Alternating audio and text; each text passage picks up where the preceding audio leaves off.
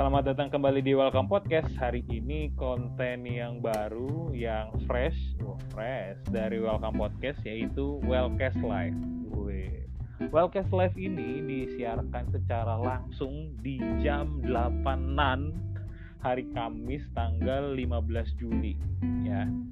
Uh, kenapa gue membuat konten ini secara live? Karena memang platformnya itu hanya bisa uh, berupa apa ya?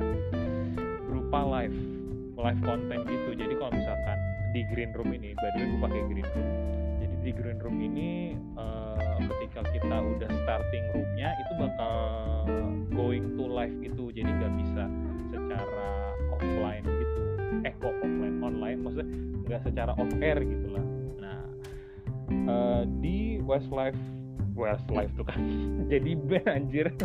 Jadi boy band di Wildcast Live ini uh, eh, gue uh, apa ya bisa punya ide untuk konten ini karena berangkat dari keresahan gue sama apa ya beberapa pikiran yang timbul karena uh, kegabutan karena apalagi karena karena rasa kepo yang masih tinggi banget sih.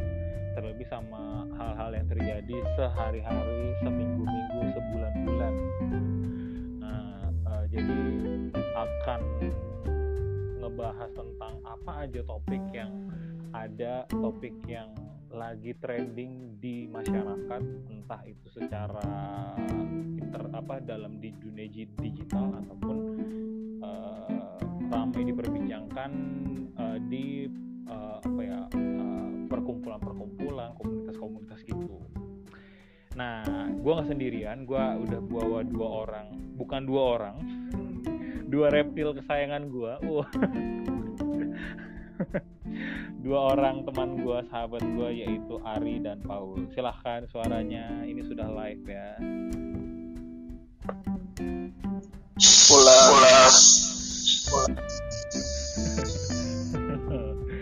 tolong ini yang feedback feedback ya. Tolong feedback feedback kerjasamanya.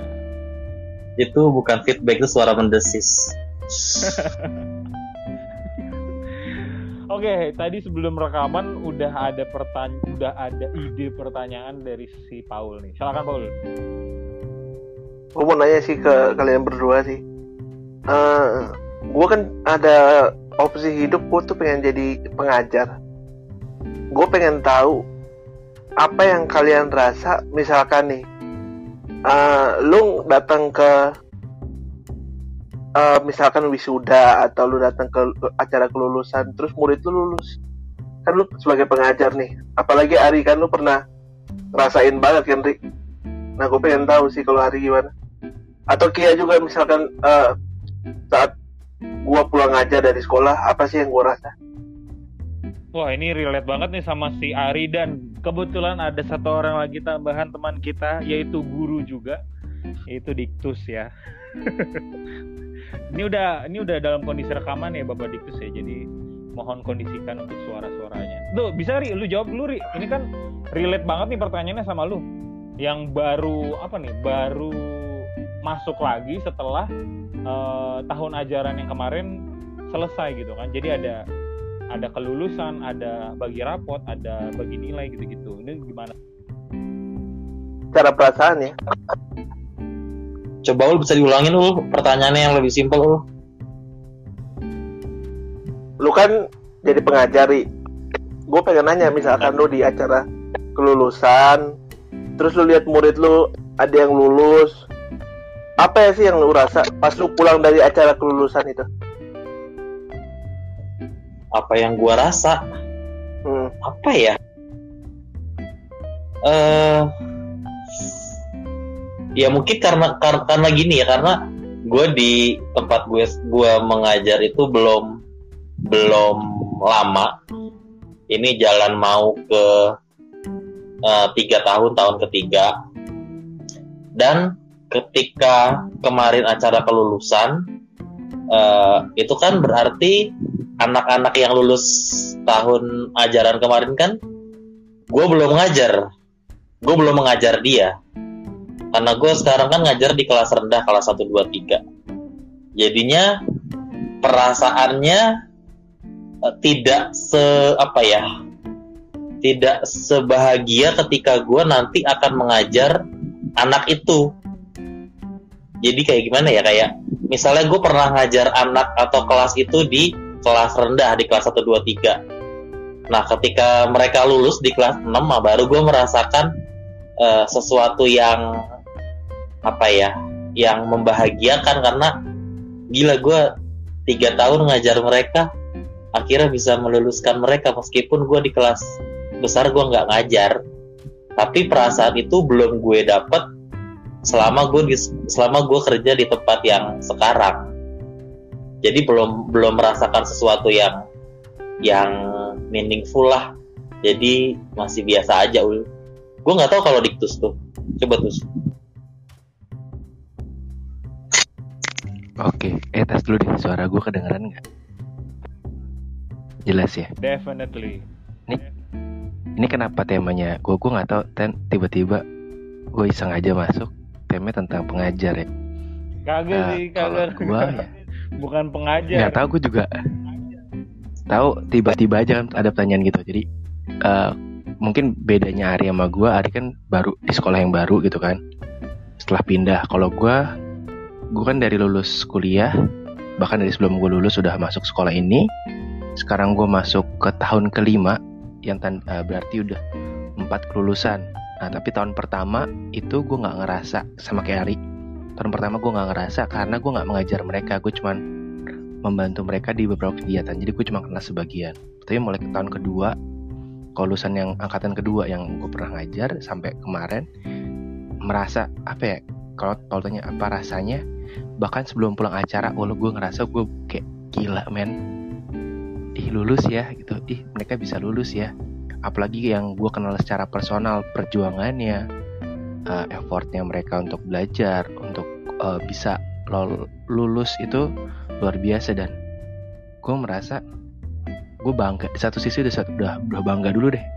Apa yang mereka dapatkan tuh kayak gue nggak apalagi yang gue cukup lama mendampingi mereka dari uh, beberapa, beberapa tahun gue ngajar mereka gue tahu perkembangan mereka perjuangannya mereka. Terus mereka lulus gue rasanya wah bangga banget gitu kan.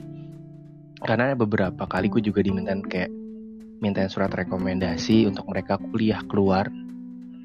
Ya kalau lo tau ya kita tau lah eh, jurusan eh mata pelajaran yang gue pegang tidak umum untuk eh, ada kuliah di bidang itu. Tapi anak-anak tetap minta rekomendasi ke gue bukan karena jurusan bukan mata pelajaran yang gue pegang tapi karena mereka ngerasa gue bisa ngasih report yang baik dengan mereka karena mereka mereka merasa gue kenal dengan mereka.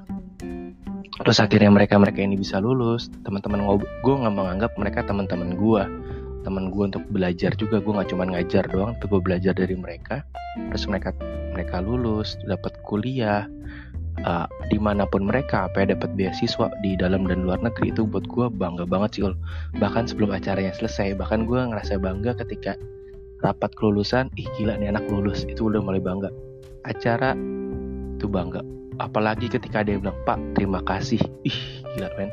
Kata-kata doang itu artinya buat seorang pengajar ya kayak gue pendidik kayak gue tuh ya ini kayaknya kenapa gue jadi guru ya karena ini. Gue gue uh, merasa berharga gue hidup bersama uh, berkembang bersama mereka gitu. Ya itu sih ul. Kalau gue sih pasti bangga yang nggak terkirakan gitu. Oh iya, gue mau nyambung yang dibilang Diktus.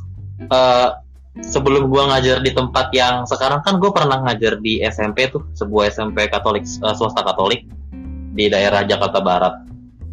Eh, gue sempat mendampingi, karena gue di sana hanya setahun ya. Jadi gue mendampingi anak-anak kelas 7, 8, 9 dari awal tahun sampai akhir tahun ajaran dan eh, sama seperti yang dibilang Diktus gue baru inget baru baru di callback nih sama omongan Diktus waktu acara kelulusan sih sebenarnya yang bikin gue eh, terharu. Karena ketika itu ada satu momen di mana eh, guru-guru tuh diminta untuk maju ke depan panggung gitu. Terus perwakilan anak kelas 9 itu itu ngasih eh, buket bunga sama eh, coklat kepada setiap guru.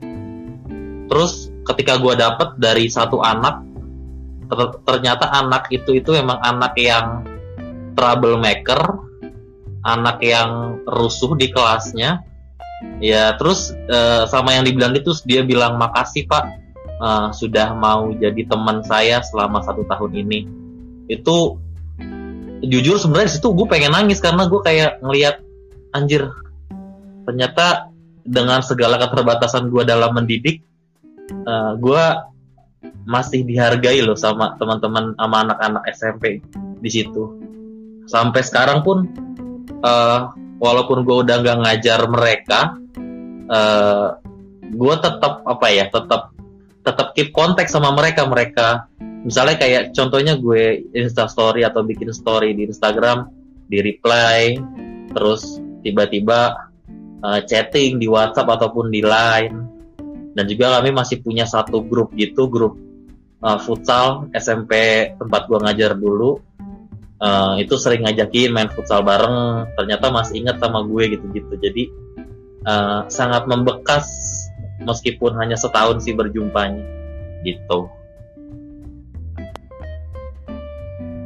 Sisi sedihnya berarti lu kayak kehilangan sahabat atau orang yang lu sering ketemu gitu ya berarti? Iya gak sih? Kalau gue berarti ini dari cerita ceritanya suara su ini suara gue kedengeran gak suara gue kedengeran kedengeran kedengeran. kedengeran jelas. Oke. Okay. uh, eh, kehilangan kehilangan nggak terlalu sih cuman kayak merindukan aja kayak saat-saat di mana mereka malam-malam tiba-tiba WhatsApp terus kan anak SMP kan sudah bisa ini jadi udah udah udah menganggap kita sebagai selain sebagai guru kan sebagai teman sebagai uh, sahabat atau sebagai tempat curhat. Ya kadang lah nggak nggak cowok nggak cewek ya ada kalanya lah ngajakin uh, ketemuan selain di sekolah di weekend untuk uh, cerita-cerita segala macem. Ya kangen ada rindu momen itu sih momen uh, apa ya kefleksibelan mereka terhadap guru santainya mereka terhadap guru gitu loh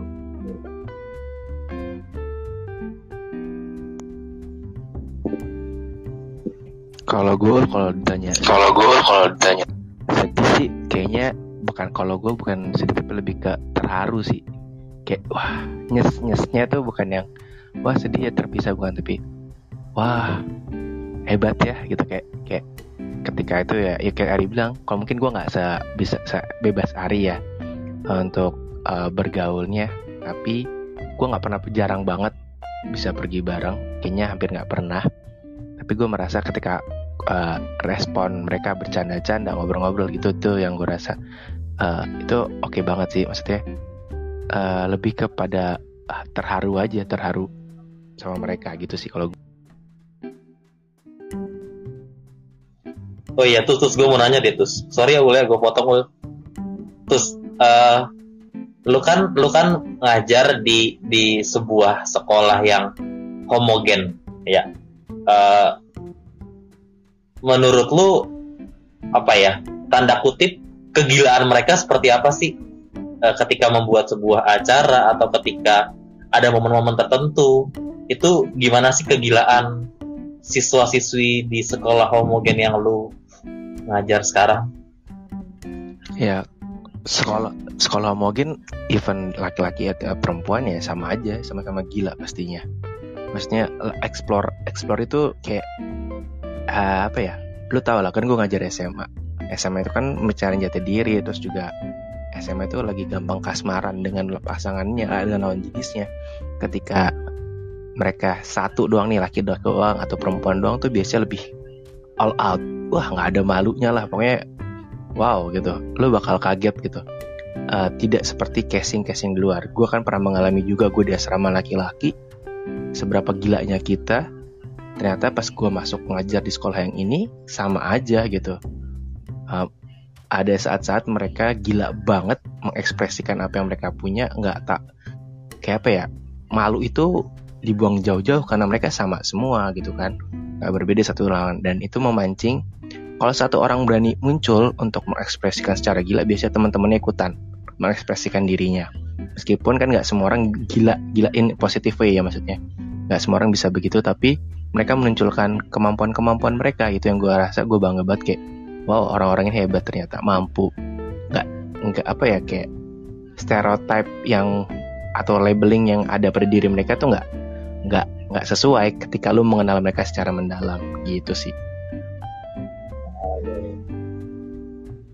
Nah ini Terus- kalau oh terus Ri terus Ri. Enggak, gue mau lagi Marik itu satu pertanyaan lagi terus mungkin ini sensitif sih ya. Eh, setelah lu berdinamika kurang lebih lima tahun di sekolah yang sekarang lu eh, bekerja, eh, apakah masih terfikir atau terbersit pikiran? eh gue mau ke tempat lain deh, gue mau cari suasana, inspirasi, pengalaman baru di tempat yang baru. Ada nggak kepikirannya terus? Wah ini berat ya. pertanyaannya. Eh, disuruh Kemarin bercanda. di sekolah lu nggak dengerin Wellcast nih. Iya, ya semoga. Nah jadi gini, kalau gue merasa gini, eh, semenjak kapan ya? Tahun lalu kalau nggak salah, kayak gue udah udah membulatkan tekad. eh, karena gue pernah hampir mas, gue udah pernah hampir pindah. Gak ada yang tahu, benar-benar gak ada yang tahu ceritanya, cuma teman-teman dekat gue doang. Kayaknya nggak tahu lu pada pernah gue cerita atau enggak. Eh, gue hampir pindah ke SMA gue. Sudah ada omongan-omongan, tapi sampai satu titik gue merasa gue diyakinkan dengan beberapa teman gue pikir lagi, renungkan lagi, terus akhirnya ya udah gue tetap bertahan. Terus ibaratnya sekolah gue cukup sekolah yang cukup favorit ya di di Jakarta ini ya. Jadi gue rasa dan mata pelajaran yang gue pegang kan nggak banyak sekolah yang membutuhkan juga gitu kan terbatas. Even gue gue nggak gue sampai sekarang kemungkinan pindah ada paling ke international school tapi kemampuan bahasa Inggris gue belum mumpuni. Gue belum jadi sejauh ini gue berpikir gue sekalipun gue selesai di sekolah gue, gue nggak bakal ngajar reguler di sekolah lain. Gue pasti punya usaha lain dan gue ngajar secara part time. Yang mungkin ngajar part time ini lebih cenderung untuk memuaskan batin gue dibanding gue mencari salary-nya. Kalau gue mencari salary, sekolah gue ini udah udah oke, oke banget hitungannya. Iya. Nah, saingannya dikit lah gitu. Jadi kalau san, eh, gue nggak tahu gue bakal berapa lama jadi guru. gue punya rencana-rencana hidup gue juga. Tapi kalau buat gue dibanding gue nggak bakal loncat ke sekolah lain untuk ngajar reguler. Ketika gue memutuskan selesai di sekolah gue, gue akan mencari usaha yang lain, ditambah mengajar yang si- sifatnya part time atau yang nggak full, nggak reguler. Mungkin yang tujuannya untuk memuaskan batin gue berdinamika karena buat gue gue agak berat menjadi seorang guru itu karena gue jelek banget administrasinya gue akuin itu tapi gue suka dinamika dengan siswanya gitu Rik Oke, kayak itu itu keresahan itu apa tadi yang terakhir lo bilang itu mewakili keresahan semua guru deh. Males di administrasi. Bener-bener. Iya iya iya, oke oke oke, I know. Sip sip sip sip sip. Gimana Ki? Oh iya nih nih nih. Kalau kalau kalau gue boleh sharing juga nih guys. Kalau gue kan eh, udah berhenti jadi guru itu kemarin juga guru apa ya honorer juga kan tapi tetap ada ngajar di sekolah. Cuman kalau tadi pertanyaan Paul yang di awal itu gimana sih lu perasaannya ketika ngeliat murid-murid lu lulus? Nah gue ngeliat gue ngeliat tentu apa ada kebanggaan di situ kan. Ada kebanggaan ada kesenangan juga. Wah gila gue bisa membuat apa ya uh, seorang anak tuh jadi punya pengetahuan gitu lah wah keren juga nih gue tapi tapi ya apa ya nggak nggak nggak berhenti di situ karena perasaannya lebih lebih seneng kalau misalkan anak-anak itu tuh seneng sama apa yang udah udah kita kasih gitu kan. Udah kita coba usahakan untuk mereka. Karena gue nggak nggak lama juga di sekolah cuma setahun. Tapi ada satu momen juga sampai sekarang kalau gue ngajar itu kan ngajarnya bukan yang di sekolah ya tapi di lebih ke ngajar apa orang-orang yang mau baptis mau komuni pertama gitu-gitu kan. Nah itu juga ada kelulusannya juga tuh. Ada ada momen kelulusannya ketika mereka akhirnya bisa dibaptis sama di krisma atau enggak menerima umum pertama atau apa sakramen ekaristi itu. Wah, itu momen momen kelulusan yang sampai sekarang tuh gue nanti nantikan juga tuh ketika ada lagi apa eh, angkatan baru masuk dengan harapan dengan keinginan dengan kekepoan mereka sehingga apa ya eh, ketika momen mereka lulus dalam tanda kutip itu buat gue seneng juga. Wah ternyata gue bisa nganterin orang lain itu nemuin yang namanya Tuhan berjumpa sama Tuhan gitu gitulah itu itu rasa haru gue lah untuk untuk momen-momen kelulusan siswa atau peserta didik yang pernah gue alami gitu kan. Pernah berproses sama gue gitu sih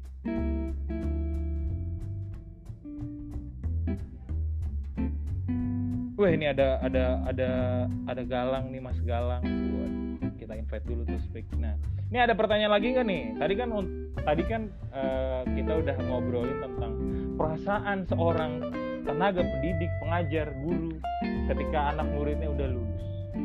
Ini kalau dari lau pada mau ngob apa mau nanya, mau ngobrolin hal-hal lain atau mau sharing-sharing juga terserah. Ya, ini konten Tapi kayaknya seru. Apa? Keseru nih udah bahas pengajar kan lo ngajar soal dunia pendidikan kan Eh. kan kita semua kita semua pernah jadi siswa ya Siswa, pernah jadi ah. ah. kalau lu ketika lu lulus ada nggak suatu momen yang lu say thanks buat guru lu momen apa dan kira-kira kenapa momen ketika lu merasa lu bisa bilang say thanks buat guru lu entah satu orang Oh. atau berapa tapi yang bukan cuman kayak ah pak terima kasih yang yang bahasa basi tapi yang mendalam benar-benar gitu ya. mendalam cuma say thanks saja tapi yang rasanya dapet itu pernah nggak sih lu pada Pernah. gue jujur gue lupa Kalau gua kalau gue ya pernah banget pas masa SMA, lulus SMA, itu karena wali kelas gue juga seorang guru yang bener-bener guyup sama siswanya, asik gaul gitulah. Itu gue saya thanks juga. Ada guru akuntansi. Terus pas momen lulus kuliah, kan kita tahu lah ya di teologi ini, di pendikat ini kita sekalian promosi aja coy. di pendikat ini sangat-sangat guyup antara mahasiswa dengan dosen. Itu udah bener-bener kayak keluarga. Bahkan eh, beberapa dosen dijulukin bunda dijulukin babe. Itu kan ada ikatan yang begitu mendalam kan. Makanya ketika gue lulus waktu itu gue bener-bener berterima kasih banget sama dosen pembimbing gue dosen pembina akademik gue wah karena itu berdua sosoknya tuh bener-bener kayak bokap sama nyokap kebetulan kan waktu itu juga momen-momen awal-awal atau berapa ya berapa tahun setelah bokap gue nggak ada kan jadi memang apa ya ketika udah lulus tuh eh, nggak nggak apa ya nggak terlalu wah karena gue tahu gue lulus cuma diliatin nyokap doang gitu kan secara langsung. Tapi ketika ada dosen yang begitu dekat sama gue yang bener-bener kayak apa orang tua tuh gue ngerasa seneng aja gitu kayak diterima sebagai anak angkat gitu. Itu nggak bakal gue bisa lupain sih. Kalau siapa nih? Ari atau gua. Gua kalau guru SMA gua beberapa appreciate cuman kayak gua gua lupa. Kalau nggak salah sih guru guru apa ya itu namanya? Guru sosiologi gua itu seorang guru yang legend. Kayak banyak dia cukup terkenal dan beliau saat ini sedang berjuang melawan penyakitnya. Nah itu salah satu yang wow banget sih. Dia nggak secara personal nggak dekat. Dia nggak secara personal nggak dekat tapi bisa menggugah gua gitu kayak ya i- pasti dia juga nggak bakal ingat gua gitu kan. Gua bukan anak yang kelihatan di sekolah tapi uh, beberapa kali uh, audiensi dengan dia tuh oke dan satu lagi guru uh, yang masih gue ingat adalah guru B, BP kalau di tempat gue dulu kayak dia meyakinkan gue uh, waktu itu gue kondisi masih mau jadi romo. Dia sangat support banget uh, dia support segala macam apa yang gue lakukan. Itu yang gue itu dua sih kayaknya yang sangat berkesan. Terus uh, gue belum merasakan uh, seorang pengajar pendidik yang luar biasa lagi ketika kuliah. Dan orangnya sih sama Ki. Kayak lu Ki. Kayak gimana tuh gimana tuh? kan PA lu sama pembimbing skripsi gue sama Ki ya ya Bener, bener, itu itu menurut gue lu tau lah gue pernah kak pernah hampir harus cuti kan gara-gara nilai gue ancur di semester Iya, terakhir. iya. nah itu kayak gue ah gue udah pasrah nih udah lepas. Terus gue di gue gue nggak tahu nilai gue bahkan gue ditelepon dulu waktu itu kan hp gue rusak kan. Gue ditelepon sama uh, kaprodi eh waktu itu belum kaprodi uh, pembimbing eh udah udah kaprodi. Udah, Kaprodi udah, kita udah. udah ganti tuh. Ah. jadi, jadi jadi kaprodi. Kata Prodi ya. eh udah kaprodi. Terus dia nelpon gue gue dimarahin ki. Gue baru kali itu dimarahin sama dosen by phone. Wow. karena nilai gue hancur. Ya lu tau lah kasus itu nilai itu nilai yang gue Iya, nggak tahu dari mana bisa nilai segitu kan. Gue dimarahin karena dibilang saya dia marah terus dia bilang saya tuh berharap banyak sama kamu. Dibilang gitu kamu tuh salah satu yang diharapkan bisa selesai lebih awal. Tapi kenapa kamu begini? Ih gue sedih kayak wow. Berarti dia sangat memperhatikan gue dan selama selama bimbingan sangat baik banget gitu sama gue gue selalu disupport.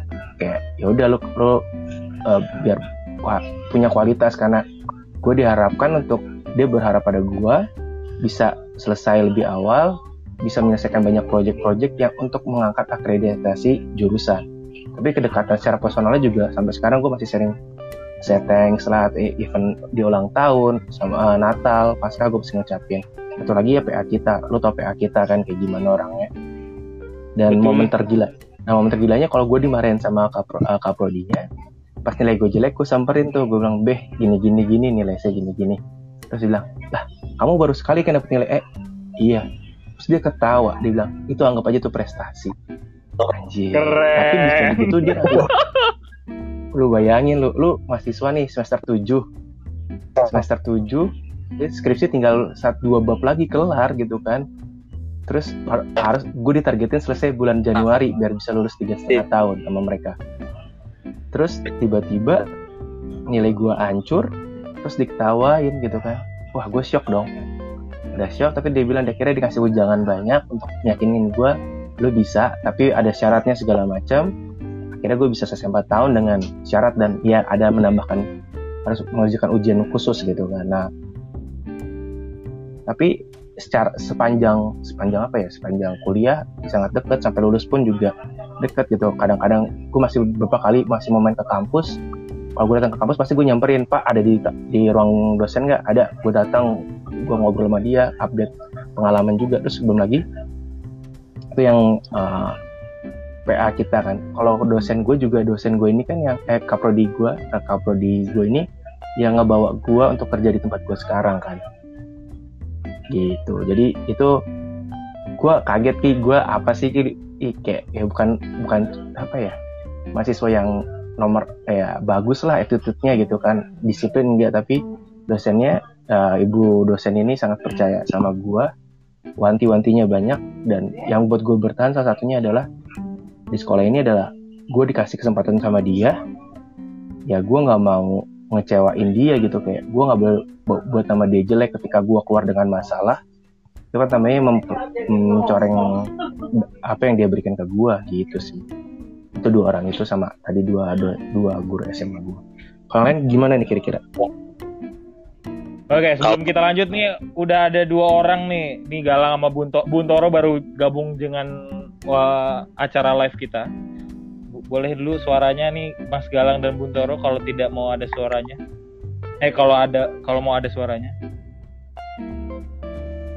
Assalamualaikum warahmatullahi wabarakatuh. Ih, gila, syahdu banget ya kalau misalkan Buntoro yang sapa tuh hati tenang gitu ya. kayak udah biasa gitu Ki. Oh, gimana Bapak Galang? Oh, iya. Apa nih? Wih, Gini gini. eh. lama gaya nih kita. Udah nih. ngobrol-ngobrol. Iya ini bener ngobrol-ngobrol nih. Lanjut nih ke pertanyaan tadi Diktus. Mungkin siapa yang mau jawab nih?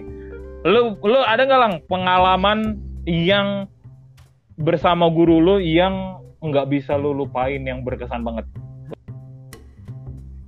pasti ada lah ya pasti ada sih kalau gue pribadi ada tapi memang kan gue tipe orang yang apa ya lebih ke bodoh amat dan cari masalah kelihatannya kalau sama guru-guru ya pun sama dosen kan kalau misal ditanya waktu itu waktu SMA kalau nggak salah jadi kan langsung serius gini ya topiknya ya Ki? Dari dari tadi serius lang. Hah? Gak ada basa basinya gitu apa kabar? Gimana? Iya, apa kabar Bapak Galang? kan? Gimana? Kia emang gitu lah. Wah, Kacau. emang. Sama Bunuh, Iya, iya. bunuh. Kalau No, sa- gini lah. Baru. Tadi gue baru masuk langsung ditanya lah. Ntar lu masuk gitu modelnya Kia. iya, tapi nggak apa nggak apa. Jadi, jadi kalau ditanya itu, gue ada pengalaman. Dan emang mungkin gak bakal gue lupain sih. Jadi waktu SMA, waktu kenaikan kelas dua eh kelas 11 ke 12 ya. Waktu itu gue jurusan IPS. Ada satu momen ketika UAS, kan gue gak terlalu pinter soal angka-angka. Jadi gue goblok banget lah intinya soal akuntansi gitu-gitu kan. UAS gue dapet 20 dan kalau di budaya sama gue itu kan kalau nilai gitu ditempel di papan pengumuman jadi kayak orang semua orang tahu lah nilai-nilai berapa semua mata pelajaran dan kalau misal syarat dari kelulusan itu eh, syarat dari naik kelas 11 ke 12 itu kan mesti apa ya dulu istilah KKM kalau nggak salah ya. Nah itu kan kalau dihitung pakai rumus apa pun gue gue itu pasti nggak bakal naik kelas. Karena UAS gue itu kalau nggak salah tu- eh, 60% itu 20 ya kan? Even yang UA, apa UTS atau ulang-ulang itu dapat 90 yang notabene gue nggak sampai situ paling dapat 60 60 kan. Ya ya ya nggak ada harapan untuk lulus. Nah tapi dari kejadian itu ada satu momen ketika gue menghadap ke pater gue Pamong. Nah Pamong gue ini ya gue sampai sekarang masih kontak sih. Dan beliau sekarang eh, studi di Spain ambil S2 terkait filsafat dan waktu dan waktu gue menghadap beliau gue inisiatif nih. Karena gue mikir ini kalau dihitung secara angka nggak mungkin. Pasti gue nggak bakal lulus. Karena apa? Karena ya udah ter, semua nilai udah udah terpampang. Nggak nggak cuma gue atau guru gue ada yang tahu tapi semua mahasiswa semua siswa tuh tahu. Terus gue mau daftar nilai nilai saya segini. Terus dia tanya kenapa? Gitu kan terus gue jelasin lah gini-gini. Terus saya saya udah berusaha gini-gini. Gue nggak nggak ngeles nggak nyalain siapa pun. Intinya gue emang emang emang nggak bisa. Tapi gue ada satu sisi water gue kayak ya awalnya marah sih. Karena waktu itu kan gue ketua PAL ya. PAL itu putra putri altar ah gitu eh, sensor SMA nya ntar sendiri lah jadi kayak ketua gitu lah jadi gue deket banget tuh sama pastoral sama sama eh, romo-romo pater-pater pater kamu kan ketua kamu harus kasih contoh ke teman-teman. Kamu juga aktif di sini sini seperti apa kamu kayak gini. Saya apakah kamu udah udah coba ke guru dan sebagainya? Saya jelasin tuh oh sudah tergini-gini tapi memang saya memang kurang di sini gitu tapi yang lain gimana? Yang yang lain emang emang eh, ya lulus lah ter tapi nggak nggak terlalu nggak terlalu bagus juga tapi tapi lulus KKN nah ini satu satu titik yang yang gua yang merubah paradigma gua bahwa pendidikan itu nggak soal nilai ketika pater gua ngata eh, eh, apa menyampaikan ini ke gua. Kenapa kamu terlalu takut terhadap nilai? Bahwa di pendidikan di SMA di di mana gua uh, belajar itu tekinin soal pendidikan pendidikan hidup ya bukan pendidikan ya orang kita yang mungkin uh, semua orang tuh melihat oh kalau pendidikan tuh SMA mesti nilai tinggi tinggi terus gitu. fokus ke nilai dan sebagainya nah Potter gue nyampain kenapa kamu takut soal nilai mungkin ada beberapa ada beberapa hal yang kamu nggak bisa tapi ada beberapa hal yang kamu bisa coba kamu sampaikan ketemu ke, ke guru ekonomi akuntansi kamu ngomong kalau kamu eh, kamu nggak bisa bisa nggak ada alternatif lain untuk membantu membantu menutupi eh, kekurangan ini? Maksudnya nilai gue intinya di apa dikasih tugas lah apalah gitu. Gitu kan. Terus gue bilang terus saya udah coba cuma bapak ibu guru ini nggak mau. Ya udah nanti saya ngomong udah. Akhirnya Pak itu langsung ngomong ke guru-gurunya itu kan. Terus akhirnya guru-gurunya itu kasih tugas. Dan eh, singkat cerita waktu eh, kelulusan semua angkatan gue lulus. Bahkan gue nggak tahu berapa nilai tugas terakhir ya yang dika- yang yang gue kerjain ke yang gue kerjain dan gue kirim ke guru ekonomi sama akuntansi. Udah setelah lulus gue dipanggil. Sekarang gantian Patre manggil gue bukan gue yang inisiatif untuk ini kan. Gue ditanya gimana kamu kamu nggak heran nilai kamu nilai kamu jadi segitu? Saya heran sih ter. Terus kamu nggak nggak nggak tanya ke uh, guru kamu untuk ini oh maaf ter saya belum sempat. Nah itu lah kenapa dari awal saya bilang kamu nggak usah takut soal nilai? Karena pendidikan yang sejatinya adalah pendidikan di mana kamu berusaha untuk apa ya untuk mencari segala segala cara yang emang nantinya akan kamu pakai setelah kamu lulus SMA. Kayak misal kamu komunikasi ke dosen uh, ke guru kamu, kamu berkata jujur lah, kamu kurangi di mana, bisa dibantu nggak? Kamu sampaikan kelebihan kamu di mana? Bahwa kelebihan kamu di geografi, di hafalan, di PKN dan sebagainya. Kamu memang menyadari ada kesalahan. Jadi poinnya adalah dari Pater bilang itu yang penting bukan bukan bukan kamu pintar tapi inisiatif kamu untuk memperbaiki segala masalah dan kesalahan. Nah itulah pendidikan. Jadi jadi yang yang yang yang gue tangkap, gue langsung kayak muter paradigma gue, oh gue salah kalau misalnya kejar nilai. Karena kalau gue nggak bisa, gue nggak nggak bakal bisa dapat nilai maksimal nilai ya. Tapi ketika gue berusaha untuk untuk secara persuasif, untuk menyampaikan, untuk untuk uh, approach ya, uh, pendekatan lain bukan pendekatan secara akademik tapi pendekatan dalam hal mungkin cara komunikasi secara etik dan sebagainya. Orang itu akan melihat kita nggak strict terhadap apa yang kita kerjakan tapi strict pada hal-hal yang tadi itu tadi pendekatan dan sebagainya. Jadi kayak dari situ gue uh, dari situ gue ngerasa kayak nilai itu nggak penting mungkin ya ada beberapa orang yang mungkin nggak setuju tapi dari pengalaman itu gue ngerasa kayak nilai itu nggak penting Nah itu gue terapin saat gue di kuliah. Kuliah gue lulus cepet tiga setengah, tapi nilai nggak begitu bagus. Tapi kalau diajak soal komunikasi, soal uh, tanya jawab dan sebagainya, banyak orang kayak bahkan ada satu momen ketika kuliah, kan gue kalau kerja UTS atau apa itu kan selalu di depan. Selalu di depan maksudnya nggak nggak nggak nggak di belakang gue selalu di depan. Dan gue kadang nyelesain nyelesain nyelesain apa soal itu nggak sampai 30 menit. Setiap ulangan. Lu tanya satu uh, satu satu mungkin orang mengira itu gue pinter gitu maksudnya kayak oh cepet nih. Padahal gue nggak bisa coy. Karena penerapan gue bukan nggak bisa tapi beberapa bisa. Cuma gue sering kali karena itu tadi penerapan gue adalah gue di sini nggak cari nggak cari nilai A uh, angka gitu. Tapi gue cari nilai nilai-nilai pendidikan yang memang membantu gue ketika ada ada ada mata pelajar yang gue menurut gue oh gue udah bisa nih secara komunikasi gue nyambung sama dosen. Tapi ketika tulis ujian apa UTS dan sebagainya gue nggak terlalu peduli soal itu tapi ketika lu tanya ke gue gue bisa jawab gue bisa jelasin tesis karena apa yang gue pahami dan gue bisa jelasin itu ya akan kepake gue untuk ngomong ke orang. Kan nggak mungkin gue ngomong sama orang terus gue nulis oh ini jawaban gue kan nggak mungkin. Yang yang didengar orang adalah ketika ketika lu ngomong. Karena kalau di uh, di ranah gue adalah lebih banyak kita ngomong.